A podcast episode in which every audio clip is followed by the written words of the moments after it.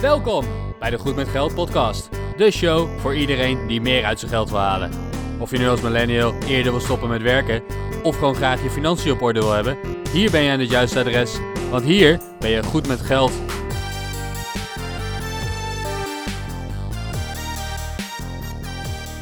Dit is aflevering 6 van Goed met Geld. We maken deze podcast om financiële onafhankelijkheid in Nederland op de kaart te zetten. Bloggen kunnen we al, maar nu gaan we dus podcasten en financiële onafhankelijkheid. Uh, ho. Nou, zoals je al merkt, ik ben Arjan van Stoppen voor mijn 50ste en normaal doe ik dit met Bas van firethebos.eu. Maar Bas is, Bas is er niet, maar gelukkig ben ik in mijn eentje ook gewoon goed met geld. Dus we gaan gewoon door. Zoals vorige week al aangekondigd, we hadden het over wat kan je nou nog meer doen met je geld dan het op de spaarrekening zetten. Toen hebben we al aangekondigd, wij hebben hele gave gasten die wat meer kunnen gaan vertellen over investeren. Volgende week gaan we het over crowdfunding hebben. Deze week gaan we het over investeren op de beurs hebben. En ik wil meteen ook mijn gast introduceren. Bas, welkom. Hey Arjan, goedemorgen.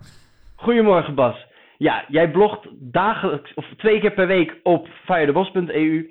En jij bent echt wat dat betreft de expert op het investeren op de beurs. Daar gaan we het dus vandaag over hebben. Juist om inderdaad al onze luisteraars ook iets meer te vertellen. Wat nu investeren op de beurs is, wat houdt het in, hoe doe je het, waar moet je rekening mee houden, nou al dat soort dingen. Um, Bas, je nog een korte introductie over jezelf geven? Ja, wat leuk dat ik de gast kan zijn in mijn eigen podcast. Dat is echt fantastisch. Dankjewel voor de uitnodiging, Arjan. Nou, zoals jullie weten, en, en hopelijk hebben jullie de vorige vijf afleveringen ook geluisterd. Ik ben Bas. Ik blog op firetheboss.eu over mijn pad naar financiële onafhankelijkheid, over mijn carrière, over allerlei gekke hersenspinsels die ik heb. En daar verveel ik een hoop lezers mee elke maand. En nou, dat blijf ik lekker doen. Ik podcast samen met Arjen sinds een aantal afleveringen. En zoals gezegd investeer ik uh, veel geld op de beurs om financieel onafhankelijk te worden. En daar gaan we het vandaag over hebben, denk ik. Inderdaad. Nou, Bas, laten we gewoon even bij het begin beginnen. Hè? Want iedereen roept wel de beurs en trekkers en dividend en rendement maken. Maar laten we eerst even beginnen. Op de beurs handel jij in aandelen. Wat is nou een aandeel? Ja, een aandeel dat is een klein stukje eigenaarschap van een bedrijf. Je kunt een eigen bedrijf hebben en daar, als je freelancer bent of je hebt een BV'tje, dan ben jij misschien de enige eigenaar. Dan heb je 100% van de aandelen van dat bedrijf. Dat is wat een aandeel is. Gewoon, ja, je kunt met aandelen ja, het, het eigendom van je bedrijf verdelen over meerdere partijen. Dus op het moment dat je met een compagnon een bedrijf wilt starten, dan kan je ervoor kiezen om allebei 50% van de aandelen te krijgen of een andere verdeling. Op de beurs werkt het eigenlijk precies zo. Hele grote bedrijven die beursgenoteerd zijn, zoals ze dat noemen, die hebben hun aandelen vrij verhandeld op de beurs. Dat betekent dat er niet meer één iemand is of een klein clubje mensen die elkaar kennen, die de eigenaren van de onderneming zijn. Dat betekent dat iedereen kan beleggen in zo'n bedrijf door aandelen op de beurs te kopen. En in feite word je daarmee voor een heel, heel klein percentage mede-eigenaar van een bedrijf. Oké, eh, aandelen, dus je kan 1 miljoenste deel van een bedrijf kopen, als ik goed begrijp. Dat kan. En voor hele grote bedrijven uh, 1 miljoenste deel kopen is wellicht uh, voor de meeste mensen een beetje buiten jouw uh, ja, financiële mogelijkheden. Uh, maar ja, je kan inderdaad kleine stukjes um, van bedrijven kopen. En kijk je naar de grootste beursgenoteerde bedrijven, naar een Apple, Amazon, Microsoft en dat soort bedrijven. Ja, daar, daar kan je mede-eigenaar van worden. En dus ook meedelen in alle winsten en verliezen. Maar hopelijk de winsten die ze maken. Cool. Um, en jij bent heel actief op de beurs. Kan ik dan me indenken dat jij um, een stukje Heineken hebt, een stukje Ahold en that's it? Ga je echt uh, op die aandelen zelf investeren? Uh, nee, ik, ik denk dat ik een stukje Heineken en Ahold heb. Ik zou het eerlijk gezegd niet weten of ik ze echt bezit. Want ik beleg niet in individuele aandelen. Ik vind dat heel veel gedoe. Dat is gewoon lastig om, uh, om te kiezen welk aandeel ga ik dan kopen. Welke bedrijven zie ik in de toekomst uh, succesvol worden. Ja, daar wil ik niet aan beginnen. Vorige week hebben we het al gehad natuurlijk over stockpicking en, en het timen van de markt. Hè, het speculeren op de beurs. Ja, daar, daar begin ik gewoon niet aan. Ik beleg in breed gespreide index trackers, ETF's. Dat zijn fondsen die voor jou uh, op de beurs beleggen in een mandje aandelen. Nou, ik doe dat in, in twee verschillende fondsen en die volgen eigenlijk de hele wereldeconomie daarmee. En dat betekent dat ik duizenden aandelen bezit, of, of eigenlijk aandelen in duizenden bedrijven, waardoor ik een hoop risico kan spreiden. Oké, maar je hebt het over een mandje aandelen. Laten we even nog een stapje teruggaan. een mandje aandelen. Dus uh, er is iemand die heeft gezegd: Oké, ik pak aandeel A, B en C. En D, E, F hoort er niet bij. Hoe wordt, dat, hoe wordt zo'n mandje dan samengesteld? Ja, nou, er zijn bedrijven die indexen samenstellen. Een bekende index in Nederland is de AEX. De AEX bevat 25 grote beursgenoteerde bedrijven in Nederland. En wat er eigenlijk gebeurt is dat iemand heeft gedefinieerd: we gaan de grootste 25 bedrijven die aan de beurs genoteerd zijn in Nederland in een index stoppen. We kijken wat al die bedrijven samen waard zijn. En dat is de totale waarde van de index. Uh, in de meeste indexen is het dus zo dat grotere bedrijven een zwaardere weging in die index hebben. En kleinere bedrijven een minder zware weging in de index hebben. Het kan dus zo zijn dat, en nogmaals, ik heb hier totaal geen verstand van wat op dit moment de koersen zijn. Um, maar het kan dus zo zijn dat in de AX-index eh, Heineken meetelt voor uh, eh, 5% en een Ahold voor 10%. Nogmaals, compleet fictief. Ik heb geen idee waar ik het over heb. Maar dat, dat zou mogelijk zijn. En op die manier ja, wordt dat mandje samengesteld. En dat betekent dus dat er een fondsbeheerder is die belegt in al deze individuele aandelen en ervoor zorgt dat dat fonds in ja, een overeenstemming is met de samenstelling van de index. En jij koopt met een indexfonds of met een ETF als het ware een stukje van dat fonds en daarmee een stukje van de onderliggende aandelen. Oké, dus even samenvattend, als ik het goed begrijp. We hebben de AX, dat is gewoon de graadmeter in Nederland. Die bevat de 25 best, uh, best beste bedrijven in Nederland, of de, de hoogste in de, op de beurs genoteerde bedrijven. Vervolgens is er dus een product wat de AIX eigenlijk kopieert in verhoudingen met hoeveel aandelen er zijn. En daar kan je dus in investeren. Dus als jij een stukje van die tracker van de AIX koopt, koop je dus eigenlijk een stukje in het fonds dat de hele AIX volgt. Dat is correct. En je kan het natuurlijk ook zelf doen. Je kan zelf 25 verschillende aandelen kopen en elke dag gaan kijken wat zijn de koersen, hoe moet ik ze balanceren. Ik heb 1000 aandelen van dit bedrijf nodig en 918 van dat bedrijf en maar drie van dat bedrijf, et cetera, om ervoor te zorgen dat de totale waarde van de index en de verdeling onderling juist blijft. Maar ik besteed dat werk liever uit aan een fondsbeheerder die daar um, een kleine vier voor pakt.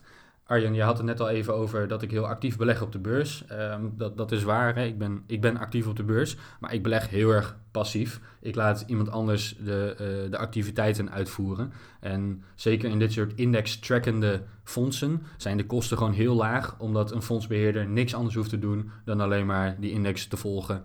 Oké, en verder, je geeft aan, ik heb geen idee wat de koers op dit moment zijn. Baart je dat dan geen zorgen? Nee, totaal niet enerzijds, ik heb dat geld op dit moment niet nodig. En anderzijds, wat de koersen vandaag zijn, zijn ze eh, niet morgen en ook niet overmorgen. Aandelenkoersen fluctueren best wel. En dat betekent dus gewoon dat, ja, weet je, je kan van dag tot dag gaan kijken.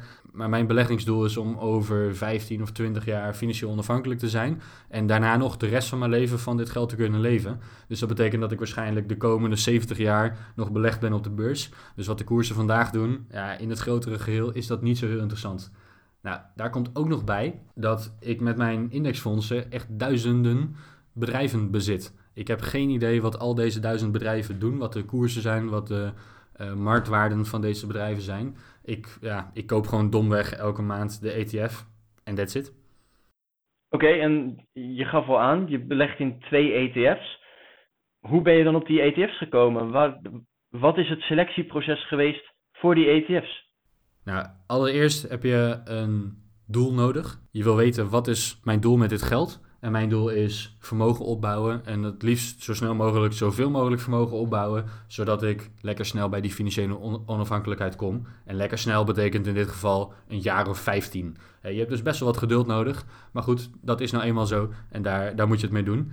Nou, vanuit het doel van het opbouwen van vermogen ben ik gaan kijken naar in wat voor asset classes kan ik nou gaan investeren om daadwerkelijk vermogen op te bouwen? En eh, bij een asset class moet je denken aan aandelen of obligaties of vastgoed of crowdfunding, leningen en dat soort zaken. Ja, en voor mij bleek gewoon het meest praktisch en ook het meest valide om echt op lange termijn vermogen op te bouwen, het beleggen in aandelen te zijn. Wat je in feite doet als je belegt in aandelen, zoals we net al zeiden, je wordt eigenaar of deeleigenaar van een bedrijf. En daarmee word je dus ook deeleigenaar van de toekomstige winst en cashflow van dat bedrijf. En dat is eigenlijk wat de waarde van een aandeel bepaalt. De waarde, ja, de waarde van een aandeel wordt bepaald door vraag en aanbod. Maar onderliggend heeft dat natuurlijk te maken met de verwachting van hoeveel winst een bedrijf in de toekomst gaat maken. Want als ik de verwachting heb dat een bedrijf in de toekomst heel veel winst gaat maken, dan wil ik heel graag nu dat aandeel kopen. En als heel veel mensen dat doen, dan zal dat de koers van het aandeel opdrijven. dus die toekomstige winst van een bedrijf is wat de aandelenkoers drijft. Nou, op het moment dat je dus besloten hebt, oké, ik wil in aandelen gaan beleggen, omdat ik de toekomstige winst van die bedrijven wil gebruiken om ja, mijn vermogen op te bouwen. Ik verwacht dat de wereldeconomie in zijn geheel uh, zal groeien in de, in de komende uh, decennia. Uh, daar wil ik een gaatje van meepikken, dus ik wil in aandelen gaan beleggen. Dan kan ik een aandeel in bedrijf A en bedrijf B kopen en hopen dat dat goed gaat. Maar als dat bedrijf over vijf jaar failliet gaat, dan ben ik de helft van mijn geld kwijt. Nou, dat zou vervelend zijn. Dat is een risico dat ik liever niet wil lopen. En dat betekent dat ik in niet één of twee en eigenlijk ook niet in 25 aandelen die in de AEX zitten, maar in 2500 of 5000 of 10.000 verschillende bedrijven zou willen beleggen. Ja, en eigenlijk de enige haalbare manier om dat als particulier te doen is door index trackers te kopen. Dat is hoe ik bij het fenomeen index trackers ben gekomen. En nogmaals, een index tracker is gewoon een beursfonds dat belegt voor jou en voor andere beleggers die dat fonds kopen in een mandje aandelen. Maar je investeert in twee trackers. Ik weet niet hoeveel trackers er zijn, maar volgens mij zijn er echt honderden. Waarom nou per se die twee? Nou, zoals ik net al zei, ik uh, wil heel graag in aandelenfondsen beleggen. Dus dat is het eerste selectiecriteria. Het tweede selectiecriteria is dat ik de wereldwijde markt wil volgen ja, over een aantal assen de wereldwijde markt. Ik wil niet alleen maar in Europa beleggen of in Azië of in Amerika. Uh, ik wil overal in beleggen. Dat heeft te maken met een stuk risicospreiding. Uh, als de Amerikaanse economie het slechter doet, dan hoeft dat niet in Europa zo te zijn. Dus dat is een stukje risicoafdekking. En het volgende argument is: ik wil graag zo weinig mogelijk betalen aan deze fondsbeheerder om voor mij die index te gaan volgen. er zijn fondsbeheerders die heel duur zijn en dan kan je misschien wel 1 of 2 procent per jaar van je belegde vermogen aan kosten kwijt zijn om, om, ja, om zo'n beleggingsfonds te bezitten. Uh, maar de goedkopere fondsen die zijn misschien maar 0,03 of 0,05% aan lopende kosten. Omdat ze op hele grote schaal heel passief en daarmee heel efficiënt de index kunnen volgen. Dus ja, de kosten zijn ook een hele grote factor voor mij geweest in het selecteren van deze twee ETF's waar ik in beleg. Oké, dus je kijkt eigenlijk alleen maar naar welke bedrijven zitten erin? En dan heel globaal. Uh, jij wil over de hele wereld investeren. Jij wil verschillende type bedrijven hebben. Dus zowel starters als bedrijven die er al jaren zijn. Zowel in de technologie als in de zorg. Nou, noem maar op. En verder kijk je eigenlijk alleen nog maar naar de kosten van de fondsbeheerder. Ja, zo simpel kan het zijn, uh, Arjan. Beleggen wordt vaak heel moeilijk over gedaan, maar het is helemaal niet zo ingewikkeld. Je kunt het zo ingewikkeld maken als je zelf wil. Als je denkt dat de technologie sector volgend jaar helemaal booming gaat zijn, dan kan je prima een ETF kopen die in een uh, groepje aandelen in de technologie sector belegt. Ik wil beleggen in alle bedrijven die je kan kopen op de wereld. Nou, dat is een beetje onrealistisch, zelfs met het gebruik van index trackers. Maar ja, je komt wel een heel eind. En inderdaad, ik koop op alle continenten, in alle verschillende valuta, bedrijven die van heel, heel groot zijn, zoals een Amazon, Microsoft, Apple, noem ze maar op. Uh, tot bedrijven die flink kleiner zijn en ja, als zogenoemde small cap aandelen aan de verschillende beurzen genoteerd zijn. Over alle verschillende sectoren heen.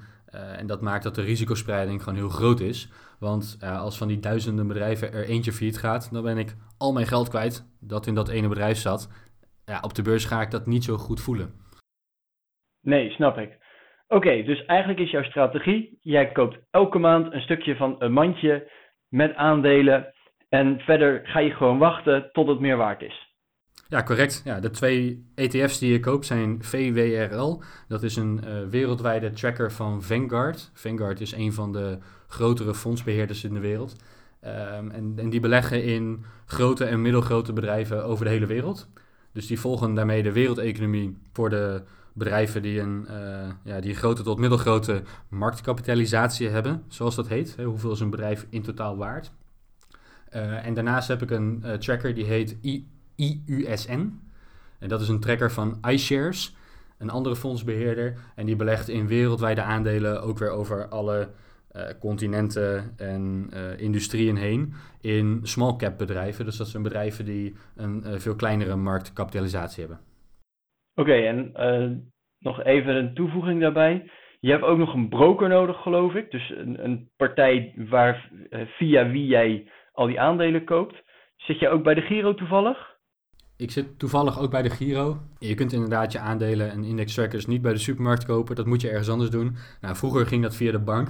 Banken zijn redelijk duur daarin. En tegenwoordig heb je een hoop online brokers waar je in aandelen en, en andere producten op de verschillende beurzen kunt handelen. Nou, de Giro is er daar één van. Hè. We zijn hier geen reclame aan het maken voor de Giro. Doe je eigen onderzoek daarnaar.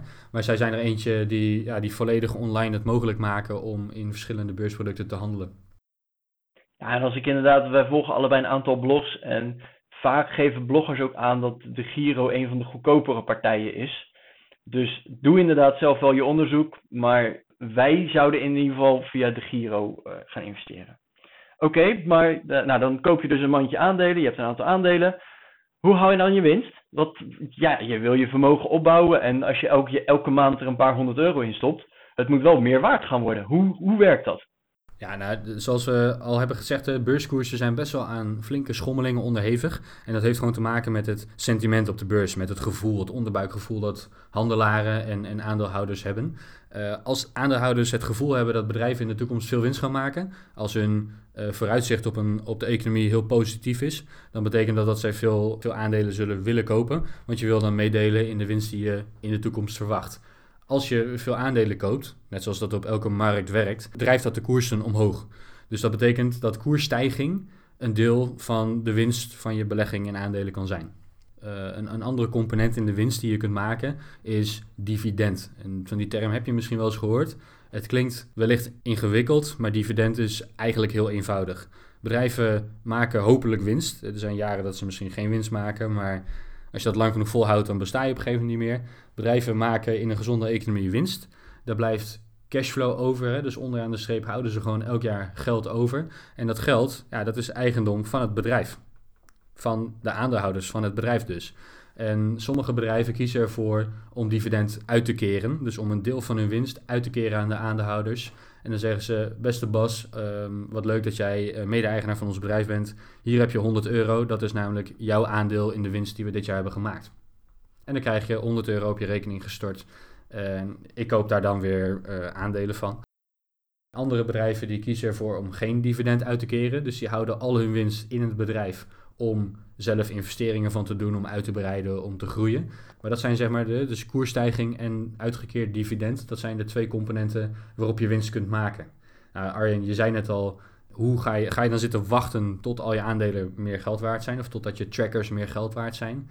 Uh, ja, dat is in feite wel wat je doet. Betekent niet dat elk jaar mijn aandelenportefeuille steeds meer geld waard wordt. Hè. Dat gaat met grote ups en downs.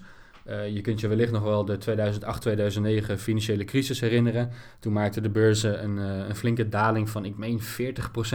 Dus, dus in één jaar tijd was je 40% van je ingelegde vermogen kwijt.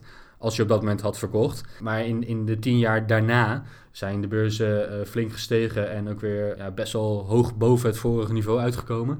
Dus er zitten enorme stijgingen in uh, en af en toe zitten er enorm verliesgevende jaren tussen. In mijn strategie heb ik daar weinig last van. Zoals je al zei Arjan, ik koop elke maand, mijn salaris wordt gestort en het eerste wat ik doe, ik maak geld over naar de broker. Daarvan koop ik uh, fondsen en ik log weer uit. Dus of de beurzen nou hoog of laag staan, ik blijf elke maand bijkopen. En op de langere termijn heb ik, um, ja, heb ik toch de verwachting dat de wereldeconomie groeit. Als de wereldeconomie helemaal in elkaar zou storten, dan hebben we andere problemen dan dat ik mijn geld kwijt zou zijn. Dus dat is mijn strategie. Oké, dus jouw geld gaat gewoon meer waard worden doordat de bedrijven die in die trekkers meer waard worden. Zo simpel is het. En uh, de koers die zal iets dalen op het moment dat er dividend uitgekeerd wordt. Want uiteindelijk er zit minder geld in de pot. Dus is het, het aandelenpakket minder waard. Maar dat geld krijg jij meteen en daar koop je weer nieuwe aandelen van. Waardoor het eigenlijk gewoon een, een uh, opeenvolgend traject is. Waardoor je steeds meer geld hebt.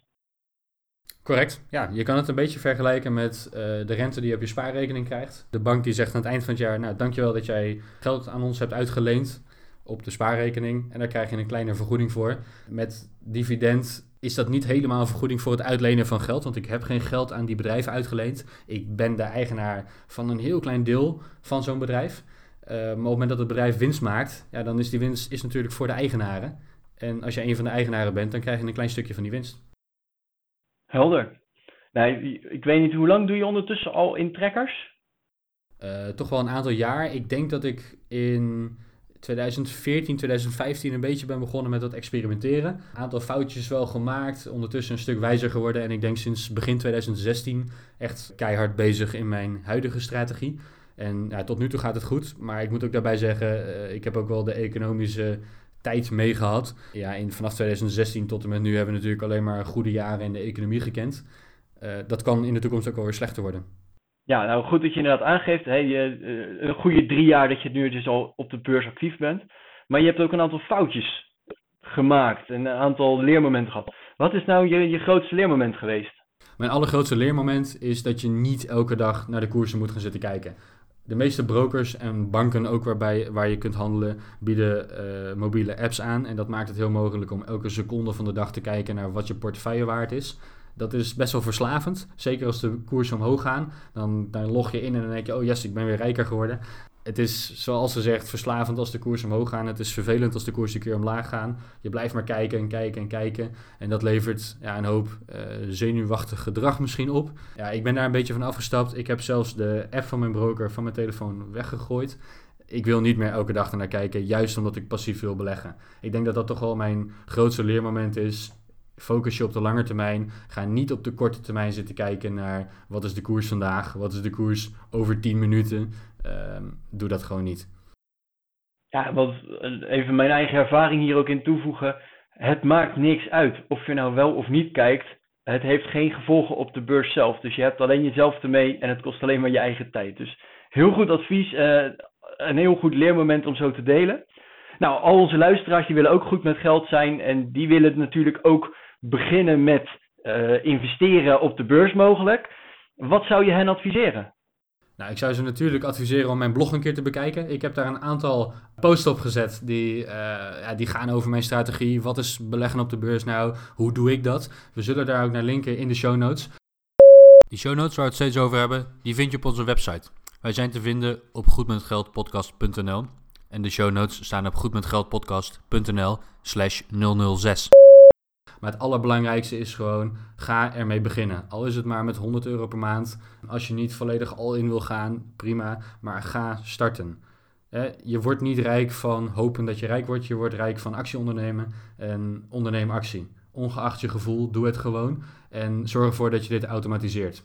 Dus koop je beleggingen elke maand. Koop alleen maar, verkoop niet. Ga niet handelen. Ga niet als je je salaris hebt naar de beurskoersen kijken en denken, oh ze staan wel hoog, misschien moet ik morgen kopen als salaris staan. Doe dat niet. Het maakt op de langere termijn helemaal niks uit. En ja, zoals ik zei, automatiseer het. Dan wordt het een onderdeel van je, ja, van je maandelijkse proces. En hoef je er eigenlijk niet meer naar om te kijken. En voor je het weet, log je over 30 jaar in.